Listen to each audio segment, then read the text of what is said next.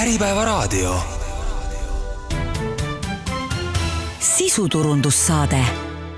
tervist ja tere kuulama sisuturunduse saadet, minu nimi on Hando Sinisalu ja täna räägime juttu Martti Arakuga, kes on Delta E inseneribüroo juhatuse liige ja energeetikaekspert ja ilmselt see viitab ka sellele, et me räägime energeetikast, tere tulemast, Martti! tervist, tervist! Palun äh, alustuseks kuulajatele väike selline liftikõne selle kohta, mis Delta E endast kujutab, kui suure ettevõttega tegu, millega tegutsete, mille poolest äh, te erinete teistest? Delta E võib siis öelda, on äh, ainuke energia säästmise täislahendusi pakkuv ettevõte Eestis, et me tegeleme põhiliselt tehnosüsteemidega, kõik, mis puudutab kütet, ventilatsiooni, jahutust, elektrit, valgust, päikeseenergeetikat kuni siis hoone automaatika seiresüsteemideni välja ja tegeleme siis täislahenduste põhimõtetele, ehk siis auditeerime, mõõdame, analüüsime, projekteerime, aga ka tarnime, paigaldame, ehitame kõik need süsteemid valmis ja oleme siis ka valmis neid hooldama, seirama ja monitoorima.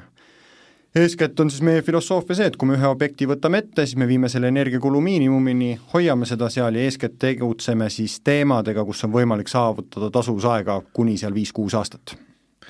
ja põhimõtteliselt sinna nende objektide hulka, millega te tegelete, kuuluvad siis igasugused ärikinnisvara objektid, avalikud hooned ja, ja tööstushooned ja, ja kontorihooned ja kõik? jaa, eeskätt äh, puhtalt ärikinnisvara, üheksakümmend protsenti meie objektidest on olemasolev kinnisvara, ülejäänud on siis uus ja jah, meie jaoks ei ole vahet, on ta lasteaed, spa, tööstus, tootmine, ladu, büroo, kontorihooned, füüsikareeglid töötavad igas hoones täpselt samamoodi no energia säästmine võib-olla paljude jaoks jõudis kohale selle vajalikkus äh, seoses kõrgete energiahindadega. et siis hakkas see nagu, nagu otseselt väga valusalt tunda andma, et võib-olla enne seda noh, ei, ei olnud see nagu nii, nii valusalt tuntav, kui energiahinnad olid natukene madalamad et kas te näete ka seda, et, et nüüd, kus energiahinnad on taas hakanud natukene odavamaks minema, et meil on siin isegi peaaegu nullilähedased äh, elektrienergia hinnad äh, juba teatud tundidel, et kas see kuidagi on äh, ütleme, seda mõtteviisi või või seda, seda mentaalsust muutnud, et, et selle energiasäästlikkusele kuidagi vähem nüüd nii-öelda moes on tähelepanu pöörata? no kahtlemata, et mida rohkem päike paistab ja, ja, ja soojemaks läheb ilm, on ju, seda väiksemaks läheb huvi, et eks see meie äritegevus paratamatult ole mõnes mõttes sesoonne, eks ju, et mida külmem ja pimedam on päev ja öö, eks ju, et seda suurem on nagu vajadus selle energia kokkuhoiu järgi, aga aga need kliendid, kes vaatavad nagu pikemat perspektiivi ja, ja kui seda asja natuke nagu keskmistada, siis on, on see asi väga nagu prioriteetne tänases seisus ilmselgelt, ühest küljest rahaliselt, teisest küljest keskkondlikult, on ju, ja kolmandast küljest selle poole pealt, et saavutada nagu parimaid sisekliima tingimusi minimaalsete kuludega, on ju. tänane nagu suure pildi energeetika ütleb meile seda, et äh, energia ise on väga volatiilne kaup, eks ju, eks ta on poliitiliselt äh, mõjutatav ja, ja, ja, ja täna me näeme, et meil on kõrvuti hinnad päeva lõikes erinevad mitmeid kümneid kordi, eks ju, et mitte isegi öelda sadu, ja see on uus reaalsus, et meil sellist stabiilset keskkonda lähiajal kindlasti tagasi ei tule, mida aeg edasi, seda rohkem meil odavad tunnid muutuvad odavamaks, kallid tunnid muutuvad kallimaks ja mida meil tagataustal teevad muud kütused, on ju sealhulgas ka näiteks gaas, eks ju, on tegelikult täpselt ette teadmata. no see on ka üks äh, selline noh, nii, äh, nii eraisikutel kui äridel äh, mõtlemise koht, et on erinevad kütuseliigid on erinevatel ajaperioodidel olnud kõige soodsamad, et, et oli aeg, kus oli nii-öelda gaas hästi populaarne, Äh, siis eks ole, Venemaa kriis mõjutas gaasi hinda olulisel määral, siis nagu tundus, et elekter on soodne, siis äh, vahepeal on olnud populaarne mõte, et toodaks ise elektrit äh, päikesest, nüüd jälle ma saan aru, on, on see muutunud jällegi noh, just ületootmise tõttu natukene küsitavaks, et see tundub olevat nagu selline äh, noh, nagu ma ei tea, moekaubandus, et, et üks hooaeg on moes pruunid püksid ja teine hooaeg sinised, et, et, et kuivõrd see energeetika siis sellistest trendidest ja, ja ütleme siis sellistest moevooludest sõltub? tegelikult äh, noh, sõltub päris palju, et äh, kui see sõjaolukord meil siin aasta natuke peale tagasi pihta hakkas, siis umbes kahe kuu pärast läks minu telefon päris punaseks ja küsimus oli, et Martin, mille peale ma oma gaasikatla nüüd vahetama peaks kas ma nüüd panen siin õli või diisel või teen maasoojuspumpa või midagi kolmandat või neljandat pellet, eks ju, aga siis ma olen alati küsinud selle, selle, sellele helistaja käest vastu, et et kui sa teed mingit investeeringut, siis sa pead seda tegema vastu mingisugusele informatsioonile või tasuvusele. aga kui sul infot ei ole, kui sul see tagatausta energia hind on lihtsalt nii volatiilne, sa ei näe tulevikku, ehk siis on nagu tegelikult võimatu seda tasuvust teha ja on väga raske anda ka nagu soovitusi. Ja me teame täna nagu reaalsest elust, kus tehti investeeringud, mis osutusid kasumlikuks ja tehti väga palju investeeringuid, mis osutusid kahjumlikuks. sest olgem ausad, gaasi hind on täna tulnud seal võib-olla kuuekümne, seitsmekümne euro juurde juba tagasi, isegi börsi mõttes nagu veel madalamale, meieni ta jõuab veel natukene viitega ja kallimalt, eks ju, ehk siis tegelikult ma arvan, need, kes oma gaasi peal üle elasid selle talve ja võib-olla energiat kokku hoidsid selle asemel, võiksid pikas perspektiivis olla hoopis võidus aga jällegi, see on kõik tagantjärgi tarkus on täppisteadus, on ju, et äh, minu hinnangul energeetikas nagu primaarenergia poole peal nagu rapsida ei tohiks, tuleks vaadata pikaajalisi trende ja kuna nagu gaasi näol on paljuski tegemist nagu jääkproduktiga, eks ju, ehk siis ta tegelikult, ta hind võiks olla nagu mingis mõttes nagu odavam, on ju et tegelikult ainus asi, mis jääb, on, on äh, energia kokkuhoid, et see tegelikult ei muutu, et kui sa hoiad energiat kokku, siis hoiad energiat kokku, olgu see siis gaas või pellet või elekter või süsi või ma ei tea, mis iganes. absoluutselt, megavatt-tund on megavatt-tund, eks ju, kui sa selle hoiad kokku, siis sa, siis sa oled kindlasti suures pildis nagu võidus, on ju, vähe sellest, et nagu sa hoiad raha kokku, sa saad teha oma nagu rahatasuvusele nagu erinevaid nagu stsenaariumeid, eks ju ja, ja see peakski olema tegelikult ühe nagu hoone mõttes kõige nagu esimene ka samm, on ju, et viia see tarbimine kõigepealt nagu minimaalseks, optimeerida oma süsteemid ära ja siis mõelda nagu alternatiivsetele järgmistele sammudele, on ju no meie kliimas äh, ka, eks ole, see temperatuuride vahemik on viimastel aastatel eriti olnud ikkagi väga suur, et noh, võib öelda, et miinus kolmekümnest pluss kolmekümneni aasta lõikes, eks ole, et väga suure, suur amplituud. aga üks selline probleem, mis, mis Eestis nii elamufondi kui, kui ka ärikinnisvaraga võib-olla natuke isegi vähem on, on selle, nende hoonete vanus, eks ole. et mis teie kogemus ütleb, et, et kas, kas mingeid selliseid vanu, noh siis nõukogude ajal või isegi veel varem ehitatud hooneid, mis täna nagu ei ole väga energiatõhusad, et, et kui tuleb teha see otsus, et kas kulutada, investeerida selle hoone renoveerimisse versus äh, täiesti uue hoone ehitamine, et äh, kuidas, kuidas teie soovitate seda asja mõelda? see küsimuse vastus on tegelikult natukene laiem, et äh, ja see vastus ei peitu ainult selles hoones endas või tema energiatõhususes, vaid pigem selles, et kas see hoone kasutaja on täna selle hoonega suures pildis rahul, kas ta vajadustele vastab oma suuruse, layout'i, kogu nagu sellistes nagu parameetrites mõttes, et et mis tööd seal täna tehakse, kas seal toodetakse, on see mingi logistikhoone, on see büroohoone, on ju, et, et ma arvan, nagu energiatõhususe aspektist, kui vaadata ka investeeringut ja ainult nii see nagu küsimus sõnastada, siis üldjoontes tundub, et mõistlik renoveerimine on täna rahaliselt odavam kui uune, uue hoone ehitus aga kui seal on ka muud taustatingimused, mis mängivad selle kasuks, et ehitada uus hoone, siis sellel võib olla ka mõttekust, jah et see nagu ilmtingimata noh, sest selline rahva kõnekäänd on ju ka, et tihti on äh, uut odavam teha, kui, kui vana hakata kogu aeg parandama, eks ole. et äh, et see ei ole tingimata niimoodi, et, et tasub ikka tõsiselt äh, renoveerimisega ka tegeleda, et ei, ei, ei, ei tasu nagu lammutada ja uusi ehitada ainult jaa, absoluutselt, ja noh, eks nende hoonete vanused ja kasutused ja otstarbed ja ja see seisukord on ka täiesti erinev, on ju, et et kui me peaksime ka võrdlema seda, et kas nüüd tegeleda energia kokkuhoiuga näiteks tehnosüsteemide tasandil või minna täielikult renoveerima, siis see on ka üks põhiline küsimuse koht täna tegelikult sellel turul ja nendes meetmetes üldse, et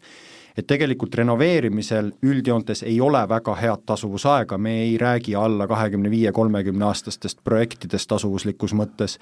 teatud kontekstis võivad nad isegi täiesti mitte ära tasuda, et äh, alles lugesin ühte energiaauditit, mis koostati, kus tasuvusaeg oli tuhat kolmsada aastat, natuke peale, et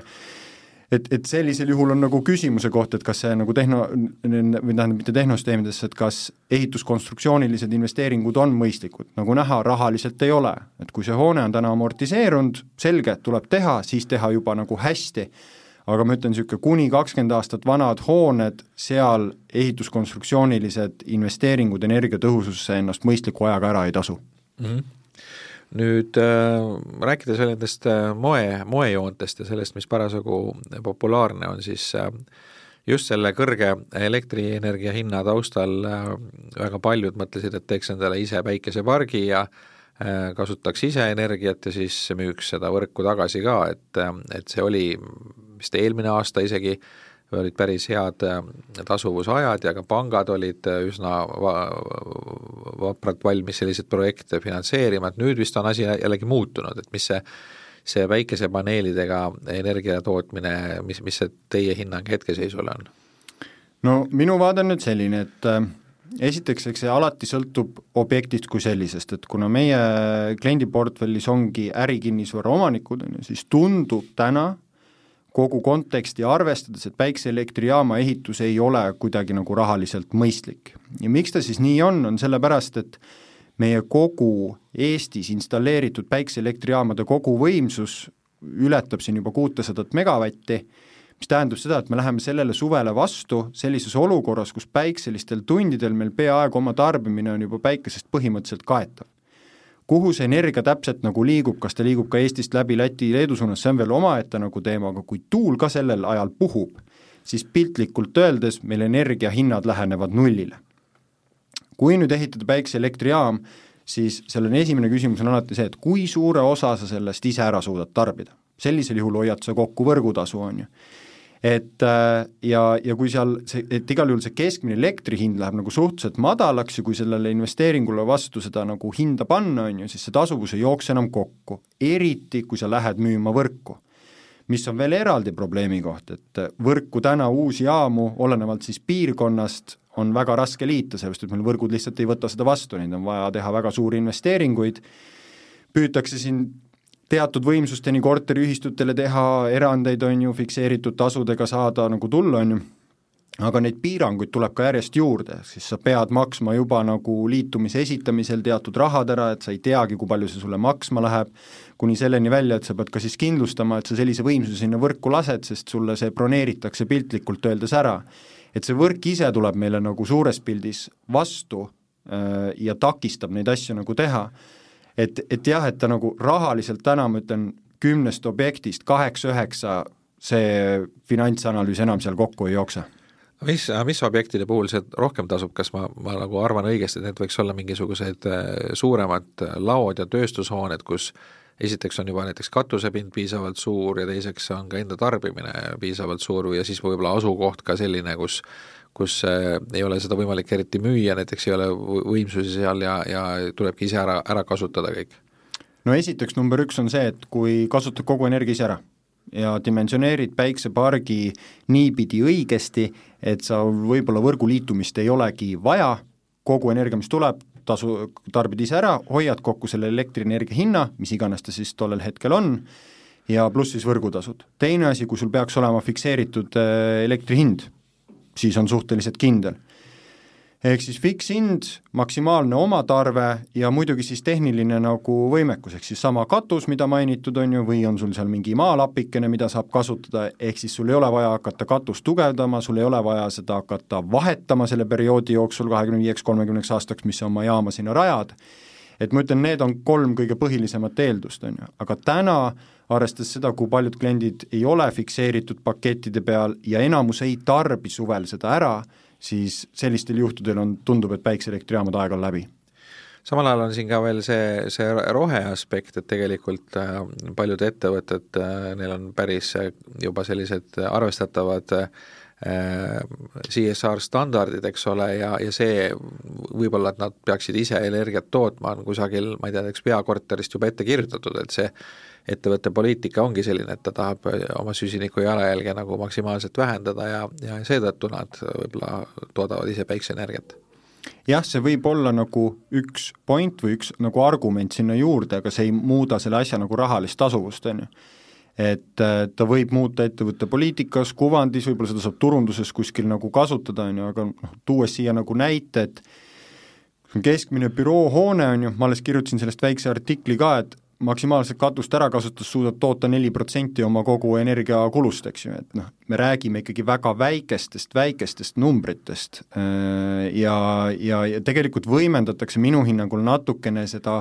kasu sinna rohepöördele kaasaaitamisele natuke liiga palju. Et sellega päris endale nagu niisugust rohetemplit ei saaks kuhugi dokumentidesse kirja panna, et ma nüüd olen süsinikuneutraalne või midagi kolmandat, on ju.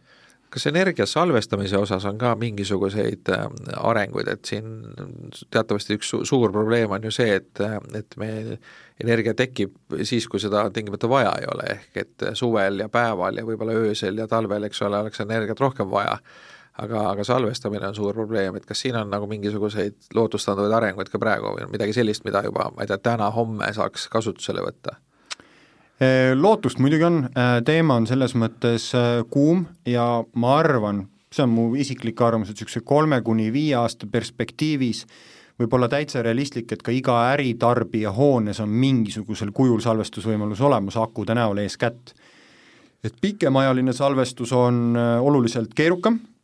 ja neid, ütleme, ühel hooneomanikul endal teha on pehmelt öeldes võimatu. vesinikku toota või midagi sellist, jah? no pigem ma veel ei tea objekti, kus seda oleks tehtud. et kui ta jõuab kuhugi maani ja esimesed piloodid tehtud, siis saab hakata rääkima ka mingisugusest laiemast võimalikust või ska-, skaleeritavusest. aga täna nii palju, kui me oleme püüdnud arvutada, siis äh, ühe akupaki panek, vahet ei ole, on ta siis eratarbijale või on ta äritarbijale, ennast rahaliselt ära ei tasu et see elektrihindade vahe, mida tegelikult sul aku ju optimeerib, on ju, ta tarbimist mitte kuidagi ei vähenda, ta siis piltlikult öeldes laed odavalt täis, tarbilt, tarbid siis, kui on kallis aeg, on ju, sellelt samalt nagu akult, aga et see tsüklite aeg ja see kasutusiga on lihtsalt niivõrd väike ja see elektri hinna vahe peab olema nagu väga-väga suur, eks ju et muidugi siin tulevad mängu veel targemad nagu tehnoloogiad, et kui me saame võimsusreguleerimisturul osaleda, on ju, et samal ajal, kui me seda akut laeme, mis meile tegelikult makstakse selle eest veel nagu eraldi peale, et siis niisugused virtuaalelektrijaama nagu targemad lahendused võimaldavad võtta nagu rohkem väärtust välja, aga sellegipoolest see nagu liiga kiiret tasuvust täna ei ole ja seda modelleerida on ka nagu päris, päris raske. et ma ütleks, et see on tulevikutrend, seda ei ole raske implementeerida tegelikult, lihtsalt see hinnasuhe ja see väärtus ja see kogus energiat, mis sa pead selle amortisatsiooniperioodi jooksul kätte saama, see peab muutuma nagu mõistlikuks. küll ta siis liigub nagu iseenesest normaalsusesse no enne oli juttu sellest, et börsihind ühe ööpäeva lõikes võib kümneid kordi kõikuda ja, ja see toob kaasa nüüd selle trendi, et, et üritatakse siis ajastada tarbimist äh, sellesse aega, kui on äh, madalam hind ja selleks on äh, nii eraisikutele kui, kui äritarbijatele igasuguseid la lahendusi, äppe ja, ja automaatikalahendusi, et et kui, äh, kui head need lahendused täna on ja kus neid kasutada saaks? noh, kuna me ise ka, kuna meil on ka endal automaatikasüsteem, mida me oma klientidele projekteerime ja ehitame, siis see on täna nagu täiesti reaalsus et,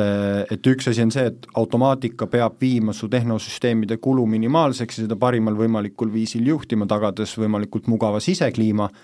aga teisest poolest ongi see, et sellega saab seda tarbimist hajutada ja nihutada, on ju, saab hooneid ette kütta, ette vajadusel jahutada, mõningal määral ventileerida, on ju, võttes arvesse siia ka börsihinnad, eks ju, võib-olla hoonete inertsi, virtuaalse elektrijaamad, kui see komplektina nagu ära teha, siis see kasu võiks olla märkimisväärne, absoluutselt mis need muutujad seal veel on, te mainisite mitmeid asju, noh see börsihind on kõige lihtsamini arusaadav, et, et äh, nii-öelda üritaks tarbida siis, kui kõige odavam hind on, aga, aga kõik need muud asjad, et see ettekütmine, ette jahutamine, et, et rääkige sellest natuke, mis siin veel teha annab peale selle nii-öelda hin-, hinna jälgimise et äh, noh, ütleme, et igal hoonel tekib siis oma kasutusprofiil, eks ju, et äh, millal ja mismoodi teda kasutatakse, millal peavad olema sisekliima parameetrid tagatud, ega kõik tehnosüsteemid, mis meil täna hoones on, on loodud sinna selle jaoks, et meie saaksime kas elada või teha tööd, piltlikult öeldes, või siis midagi toota, eks ju. ja aga täna nagu seda ebaefektiivsust on seal nii tohutult palju et äh, ütleme, igas hoones on vabalt peidus kakskümmend kuni kolmkümmend protsenti energiakulu kokkuhoidu keskmiselt alla viieaastase tasuvusajaga, kui panna sinna korralik automaatikasüsteem või see olemasolev ära renoveerida, on ju. ja, ja, ja, ja kui need lahendused teha siiski natuke targemini, on ju, ja võttes arvesse kõik need erinevad sisendid, et meil on teada, millal ja kuidas me hoonet kasutame, millal ja kuidas, mis parameetrid meil on vaja seal hoida, võtame veel elektrienergia hinnad sinna sisendiks, eks ju, siis me saamegi hakata seda nagu targemalt optimeerima, on ju, ja seda teevad juba süsteemid ise. Kui palju see eeldaks äh, ka töökorralduse muutmist, et, et noh, näiteks üks asi on ju võtta aluseks olemasolev töökorraldus ja siis hakata selle järgi optimeerima, aga saab ka teisipidi teha, et tegelikult on ju võimalik ma ei tea, teatud töö, tootmisprotsesse, mis ei ole ajakriitilised, ajastada aega, kus on odav hind näiteks või noh, lihtsalt on sellised näited, et, et võib-olla midagi veel, et et siin saab teisipidi ka mõelda, et, et teeme oma tööd siis, kui on soodne energia. siin tuleb äh, mõelda selle peale, et kellel selline tegevus üleüldse on võimalik ja kellel selline tegevus oleks kasumlik et tuleb eristada tööstuste poole peal energiaintensiivsed tootmised ja kõik muud tootmised. olles Eestis üle tuhande tööstuskompleksi läbi käinud, siis ütleme,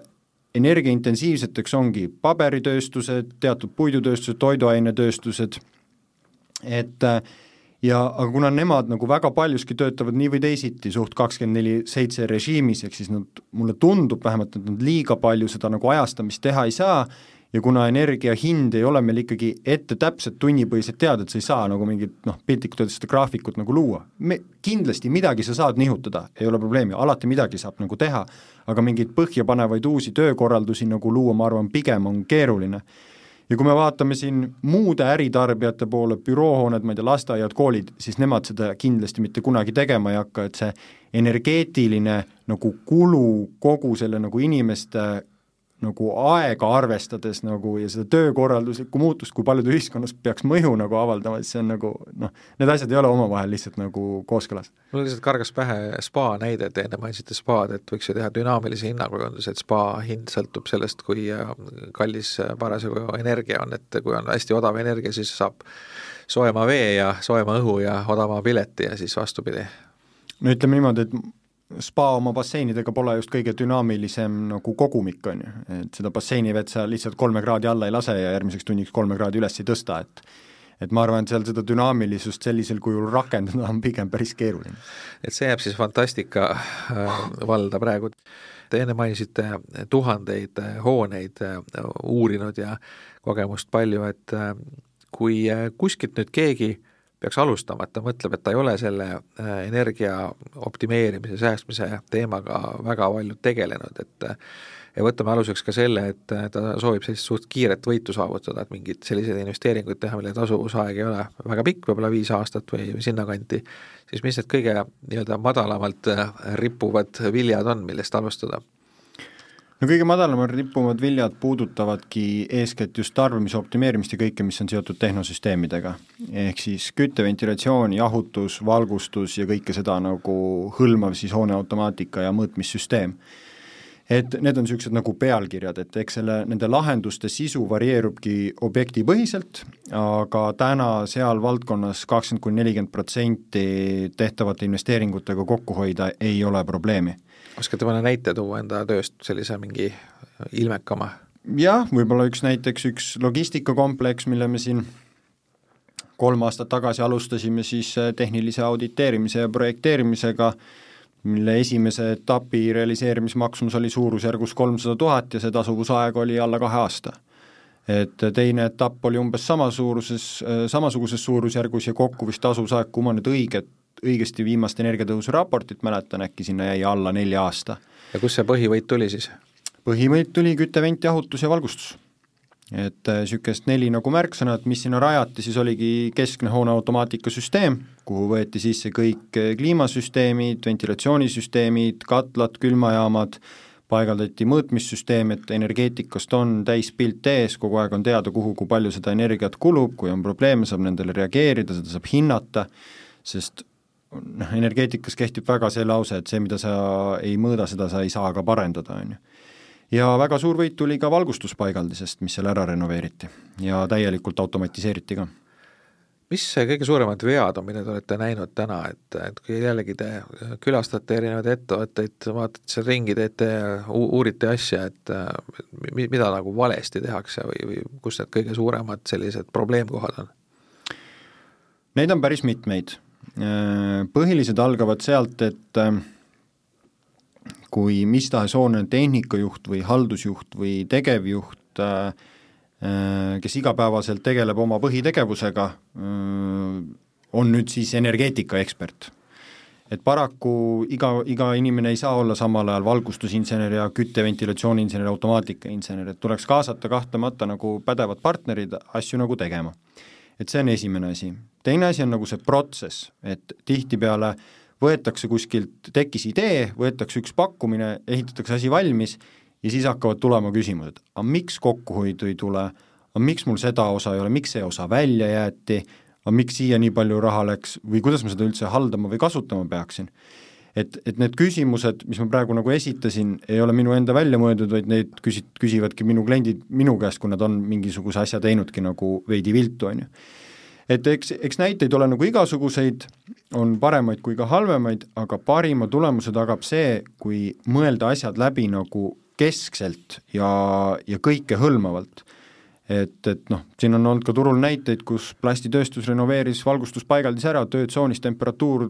langes neli kraadi, küttesüsteemi ära kütta ei jõua, eks ju. noh, ja lahenduseks oli siis, et suruõhu jääksoojus suunati ventilatsiooni sisse, puhkesse pandi automaatikaga tööle, kompenseeriti ära, eks ju.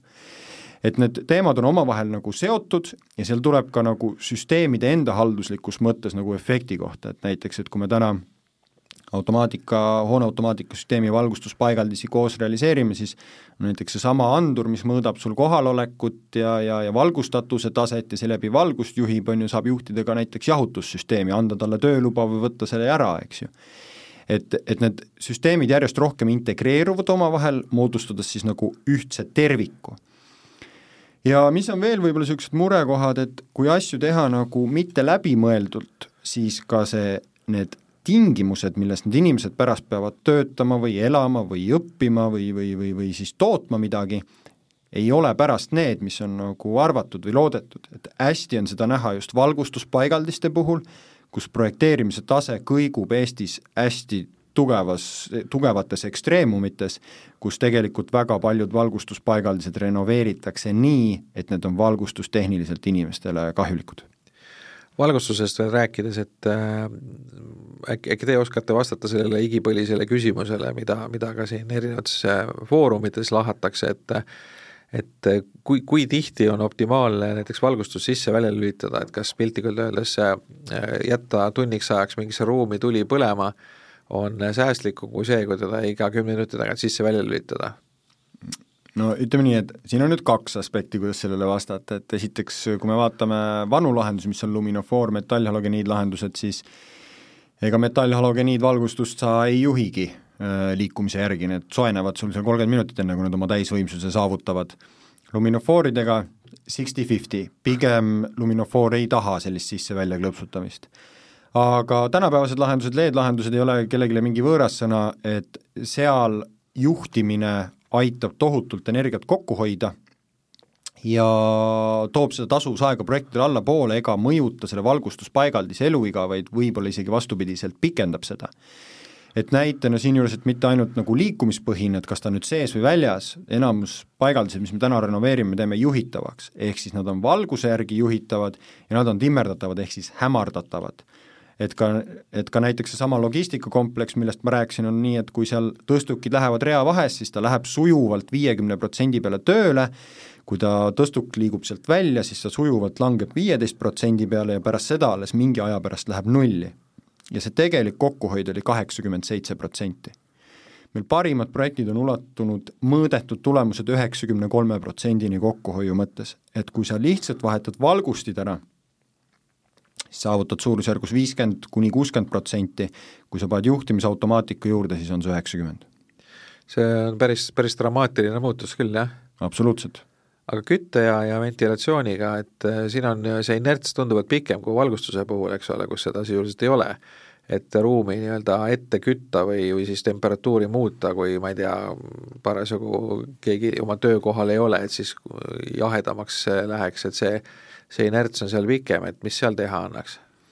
Äh, jah, äh, küttesüsteemides ilmselgelt inerts on pikem, see sõltub jällegi sellest, et äh, mis sul seda sooja sinna tuppa toob, on ju, et kui me räägime vesipõrandakütetest, siis on inertsid võivad olla kas või kakskümmend neli tundi, sul temperatuurid väga ei tõuse ega lange, eks ju vesiradiaatorite puhul, kui ma nüüd õigesti peast mäletan, on see niisugune paari-kahe-kolme tunni teema, näiteks elektrikütte puhul on see põhimõtteliselt kohene. et elektriradiaator, see kahekümne minutiga teeb sul toa päris kiiresti nagu soojaks. Kalorifeerküte, mis on siis ütleme, tootmishoonetes, laohoonetes väga palju kasutusel, suudab ka reageerida päris nagu kiiresti. et see sõltub sellest ruumist, hoonest, tema soojapidavusest, inertsist, kui palju sa sellega mängida saad aga nagu selge on see, et üks kraad, mis sa temperatuuri tõstad või langetad, lisab või lahutab su selle küttearvets põhimõtteliselt viis kuni kümme protsenti, eks ju, sõltub jällegi hästi palju hoonest ja sellest küttest endast. et, et see põhi nagu ütleme, see juhtimine ei käigi võib-olla nagu päevasiseselt kogu aeg, vaid pigem just see, et sellel ajal, kui seda ruumi ei kasutata. hästi hea näide, büroohoones üldjoontes käib töö kaheksa-üheksa tundi päevas ja viis päeva nädalas. ja see kogu ajast moodustab tegelikult umbes kakskümmend viis kuni kolmkümmend protsenti. et sellel ülejäänud ajal ei ole meil mõtet seda hoonet täielikult ventileerida, kütta ega jahutada ja no muidugi, kütma peab talvel, siis muidu sa pead mingi minimaalse temperatuuri ilmselgelt nagu hoidma ja see tegelikult pannakse kõik süsteemidega paika, et millal sa siis nagu esmaspäeva öösel pead hakkama nagu tasapisi neid temperatuure tõstma, selleks et kui inimesed kell üheksa tulevad, oleks see mugavustemperatuur tagatud ja millal sa siis saad hakata neid ka langetama, on ju, et teisipäev, esmaspäeva öösel vastu teisipäeva oleks need asjad nagu mõistlikud aga see on nagu niisugune ajaprogrammide temperatuuride juhtimine on, et seal on tohutult palju veel muid nagu nüansse, eks ju, et et, et mille järgi ja kuidas ja mida teevad sul veel, ma ei tea, pumbad ja pealevoolutemperatuurid, primaarenergia pool, katelde pool, on ju, et üks asi on see ruumide pool, teine on nagu see tagumine pool, et see on oluliselt nüansirohkem, kui see esmapilgul tundub no Eestis on harjumuseks teha aken lahti, kui toas liiga palav on, eks ole, ja, ja tegelikult ma tean, et ventilatsiooni inimesed selle akna avamise peale alati lähevad, erutuvad kuidagi, et see töötab vastu sellele ventilatsioonile, et samal ajal see noh, nii-öelda värske õhk, eriti praegu näiteks maikuus on, ikka tuleb õuest kohe nagu head õhku ja sa võrreldes selle siis selle konservõhuga, mis, mis tuleb sealt Äh, jahutusest, et see on, ikkagi noh, on tuntav vahe. et äh, mis te selle kohta ütlete, et see, see akna avamine, et kas, kas me peaksime sellest ikkagi loobuma, kui me tahame energiat säästa? jällegi hästi niisugune, et ühe vitsaga nagu lüüa niipidi ei saa, aga pigem nii, et kui sul on hoone, kus need aknad on avatavad ja inimestele meeldib seda teha, jah, nad saavad sealt ka värsket õhku, siis mina ütlen seda, et su tehnosüsteemid peaksid sellele reageerima, ehk siis kui sul aken on lahti ja sul maikuus võib siin olla ka mõnikord, ma ei tea, kakskümmend kuus, kakskümmend kaheksa kraadi, on ju, ja sul jahutus samal ajal jahutab, eks ju, siis põhimõtteliselt sa jahutad välisilma. Ja see on tegelikult rumalalt projekteeritud jahutus siis, kui ta, kui ta ei tunne ära seda, et, et aken lahti on vist, ma saan aru? ega jahutus ei ole rumalalt projekteeritud, vaid automaatika on automaatika sellisel juhul puudulik, ehk siis automaatikasüsteem, mis jahutust juhib, ei saa aru, et aken on lahti ja tegelikult on talvel kütmisega samamoodi, et kui sa teed selle akna lahti ja kui sul on tavaline piimetall termostaadiga radiaator seal all, siis tema saab indikaatori, et õhutemperatuur langeb ja avab enda ventiili täielikult. Ehk siis piltlikult öeldes hakkame kütma välisilma ja seda mitte ükski hooneomanik oma küttesüsteemiga välisilma temperatuuri tõsta ei jõua. ehk siis tegelikult automaatika peakski sellele reageerima ja juhtima siis süsteeme vastavalt ja veel, veel, veel pingutades natuke seda näidet üle, et ei ole üldse harv nähtus see, kus kontorihoones tullakse hommikul tööle, on palav, näiteks kevadisel päeval. Või, või tähendab, et tuled hommikul tööle, sul on külm, näiteks pealetuletemperatuur, soojussuunast maha keeratud, külm, mida enne, esimese asjana inimene teeb? otsib oma radiaatori termostaadi üles ja keerab selle põhja. et see, kui see keeratakse number kahe pealt number viie peale, siis ega ta kiiremini sooja ei saa, kui sa keerad ta number kolme peale, lihtsalt inimene talitleb niimoodi. siis on meil tunni-kahe pärast on see ruum üle köetud, siis pannakse jahutus tööle. Tihtipeale seda radiaatorit enam maha ei timme, nii-öelda keerata, eks ju, siis need süsteemid hakkavad üksteisele vastu töötama. siis see sisekliima aetakse seal täitsa sassi ja lõpuks tehakse noh, ventilatsioon teeb veel midagi kolmandat ja siis lõpuks tehakse veel aken ka lahti, lastakse kogu see energia aknast välja. et see ongi automaatika töö, see olukord tegelikult ära lahendada kui palju neid andureid äh, üldse on võimalik panna, et see, see kõlab nagu niimoodi, et neid andureid peaks olema väga palju, noh piltlikult öeldes, et aru saada, kui aken lahti on, siis peab mingi andur ilmselt olema seal ja ja, ja liikumisandurid ja kõik muu, et, et kui, kui nüüd võtta selline noh, olgu see ladu või või, või tootmishoone, et, et kui, kui palju see, kui suur see andurite hulk seal võiks olla? sõltub siis, mida vaja täpselt juhtida on, nagu ma sellesama näite võtan, siis tegelikult sul on üks temperatuuriandur, ehk siis nimetame termostaadiks, mis juhib kütet ehk siis radiaatorit ja juhib ka jahutust ja sinna sisendiks tulebki aknakontakt läbi aknaanduri ja läbi siis liikumisanduri tuleb äh, siis kohaloleku kontakt, eks ju. ehk siis tegelikult meil on põhimõtteliselt kolm andurit, millest üks on selline nagu keskne, mis on siis liidestatud kesksesse süsteemi, kõik on kaugelt hallatav, kaugelt jälgitav ja seal pannakse need loogikad paika, kuidas ta selle ruumiga siis toimetab no üks, üks levinud mure veel just nagu nii-öelda kliendi seisukohast on see, et olgu see siis kino või olgu see mingi konverents või mingi muu, et äh, peaaegu võimatu on leida selline ideaalne temperatuur, mis kõigile sobiks, et alati on kellelgi külm ja alati on kellelgi palav ja ilmselt sõltub ka, kui paksult keegi riides on ja, ja võib-olla mil-, treenitusest või vanusest või mis, mis iganes näitajatest veel, eh, see sooja-külma tundlikkus, et et kuidas ikkagi saavutada see olukord, et kõik rahul oleks kontoris näiteks, kus on palju inimesi, kõigil oleks nagu meeldiv temperatuur, mis selle olukorraga peale hakata? et äh, ütleme, et seda ei ole võimalik kunagi saavutada, et kõik inimesed hakkaksid ühtemoodi tundma, on ju, et seda ei ole. ehk siis üks asi, mis sellele nagu kaasa ei aita, on kindlasti avatud kontori kontseptsioon, on ju. Et selge on see, et need õhud kenasti segunevad, on ju, see temperatuur on pigem suhteliselt ühtlane äh,, nii talvel kui suvel, eks ju, mida siis küttesüsteem võimaldab, on ju, võib-olla seal hoone üks pool, mis seal lõuna pool on natuke teistsugune, kui on põhja pool, on ju, oleneb jälle, kui uus, uus hoone on ja kui hästi ta on nagu juhitud et kui tahta nagu väga personaliseeritud sisekliimat saavutada, noh siis peavad olema põhimõtteliselt personaalsed kabinetid eraldi tehnosüsteemidega, ehk siis seal peab olema kütteväljastus reguleeritav, ehk siis temperatuurid seadistatavad ja ka suvel jahutus nii et selline suhteliselt äh, vist, vist mõttetu asi, mida teha, et pigem inimestel on võimalik seda reguleerida oma riietusega. seda ka muidugi, aga noh, see ongi niisugune tasakaalu koht, on ju siis päike on meil äh, jällegi väga eba, ebaühtlaselt jaotunud asi, et talvel on teda vähe ja suvel on teda palju, et äh, kui palju see mõjutab, et äh, noh, ma näiteks oma kodus, kus on hästi palju aknaid, ikkagi kui päike paistab, siis on nagu tuntavalt ikkagi see temperatuur isegi talvel või noh, veebruarikuus, kui päike hakkab välja tulema, ikka meeletult kõva efekti annab see, aga samal ajal suvel on teda nagu selgelt liiga palju ja, ja väikse noh, eriti kui on suured aknad, siis need, kes istuvad seal akna juures, valgus segab ja, ja temperatuur ka, et, et mis selle päiksega, kas seal on ka mingeid automaatikalahendusi, mis kuidagi ma ei tea, aknaruloosid või klaasitumedust või mis iganes asju seal reguleerida annab, mõjutavad? no päikesega, selles mõttes päikesekiirguse sellise suvise noh, nende päikesest tingitud ülekütmise vastu kõige efektiivsem osa on varjestus. ehk siis sa kuidagi varjad tegelikult selle päikese otsa ära, et ta ei jõuagi sinna nagu akna pinnale see peaks Kõ... olema väljaspool, eks ole? ta olen... peaks olema väljaspool, jah. kui sa ruumis sees teed, siis ei ole, siis aknad ikkagi küt-, köetakse soojaks. siis, siis on see kasut põhimõtteliselt minimaalne, et mitte öelda olematu, ja olemasolevates hoonetes väliseid niisuguseid aknakatteid või siis äh, päikesepiirajaid installeeritakse väga harva, sest jällegi seal ei ole majanduslikku tasuvust. lõunamaades jällegi need väga levinud. no seal lihtsalt ei saa muud moodi elada, on ju, et seal on nagu see probleem on hulga tõsisem kui meil siin Eestis kuigi meil viimased suved on olnud hästi palavad, hästi soojad, et siin üks kinnisvarafondi juht küsis mu käest niisuguse huvitava küsimuse, et Martti, mis sa arvad, et kas see viimane suvi oli nüüd viimase saja aasta kõige soojem või järgmise saja aasta kõige külmem? Et see pani mind täitsa nagu mõtlema kogu selle nagu globaalse soojenemise ja, ja, ja, ja roheteema nagu kontekstis, et, et tegelikult see probleem võib ka meil nagu tõsisemaks muutuda et kui ma peaksin ise täna ehitama büroohoonet, äh, kus on mingil põhjusel väga palju klaaspinda ja lõuna poole, eks, siis ma kindlasti seda teemat käsitleksin ja pigem varjestaksin teda väljaspoolt, sest see tundub olevat kõige efektiivsem, aga ega sul muul viisil seda temperatuuri sees alandada, kui peale aktiivse jahutussüsteemi muud ei ole. no on niisugune vahepealne variant nagu aknakiled, aga seal ka, ütleme, sellised lubatud kümneaastased garantiiperioodid ei tundu nagu kehtivad, sa saad mingil määral leevendust, aga sa ei lahenda lõpuni probleemi. Lõpetuseks võib-olla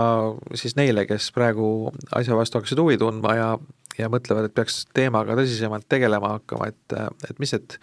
esimesed sammud, kuidas seda alustada, seda teekonda, et ma eeldan, et mingisugune audit tuleks teha või kutsuda spetsialistid kohale, et rääkige sellest, et kuidas see teekond nullist kuni siis sinna energiatõhusa ärihooneni välja näeb? selles osas täitsa õigus, et äh, alustama peaks auditist ja siinkohal ma toonitan suurte tähtedega üle, et kindlasti mitte teha standardset energiaauditit. et täna see on täiesti, ütleme minu hinnangul iganenud äh, teenus või toode või lähenemisviis, kuna äh, määruse järgi sa pead võtma viimase kaheteist kuu energiaandmed, paned need mudelisse ja pead looma nagu säästmislahendused, mis võetakse piltlikult öeldes eelmisest auditist ja korrutatakse ruutmeetritega läbi ja selle väärtus on null. et kui tegelikult tahta nagu väärtust saada ja see esimene etapp peaks olema tehniline audit, ehk siis kõik tehnosüsteemid, mida me energeetiliselt peame käsitlema, peavad olema inseneride poolt lõplikult läbi mõeldud. mis tähendab seda, et meil tuleb teha ära mõõtmised, me peame saama teada täpselt, kuhu, kui palju kulub, mis on sisekliima tingimused, sealjuures sisekliima analüüsid, pistelised termograafiad ja nii edasi,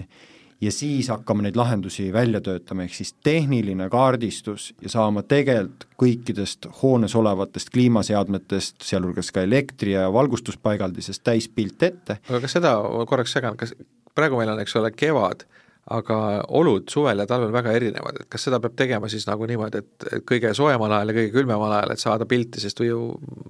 suvel on väga raske hinnata ma tean ise, et näiteks kas või hoone soojapidavust termokaameratega ei saa soojade ilmadega hästi teha, sellepärast et temperatuuride vahe on liiga väike. siin ongi esimene asi see, et et kui ehituskonstruktsioonidesse kindlasti ei investeerita, siis ei ole mõtet seda hoonet ka termopildistada. see on esimene asi, aga tegelikult point on õige, et talvel ja suvel need tulemused on mõnevõrra nagu erinevad, et jah, meil täna kogemusele tuginedes, olles Eestis läbi auditeerinud üle kahesaja kahekümne viie kompleksi, suudame me tegelikult ka seda küttesüsteemi nagu suvel auditeerida, aga see sõltub natuke sellest, et kumb probleem on kliendil nagu tõsisem, kas see suvine palavus, jahutussüsteemide probleemid, eks ju, või siis talvine kütmisprobleem, sest kõik ülejäänud, vahet ei ole, on ta siis valgustus, elekter, ma ei tea, päikese simulatsioonid, arvutused, neid saab teha, vahet ei ole, mis ajal, eks ju. Et äh, aga noh, parima võimaliku auditi saaks jah siis, kui kõikideks aasta aega, on ju, aga reaalsus on see, et meile antakse tööks kaks kuni neli nädalat, me peame selle ära tegema ja tegelikult piltlikult öeldes suures pildis probleemid saab kõik kaardistatud mis tahes ajahetkel ja need lahendused välja töötatud ja mina ütlen, et see peab olema selle auditi lõpptulemus. lahendused peavad olema laual ja läbimõeldud tehniliselt, mitte nii, et äh, uue valgustuspaigaldise renoveerimine maksab kümme eurot ruutmeeter ja tarbib seitse vatti ruutmeetri kohta, et et see, sellest on väga vähe tolku. et need lahendused, mida peab tegema, on kõik teada, enne kui me auditit hakkame tegema auditi eesmärk on need nüüd läbi mõelda ja teha majanduslikud arvutused sinna kõrvale, mis oleksid võimalikult realistlikud ja põhineksid tehnilisel kaardistusel ja mõõtmistel. Nii, niimoodi rääkis Martti Arak, Delta E inseneribüroo juhatuse liige, energeetikaekspert, mina olen Hando Sinisalu ja aitäh kõigile kuulajatele ja kui tunnete huvi, kuidas enda ärihoonet muuta energiatõhusamaks, siis võtke Martiga Delta E büroost ühendust, aitäh kuulamast!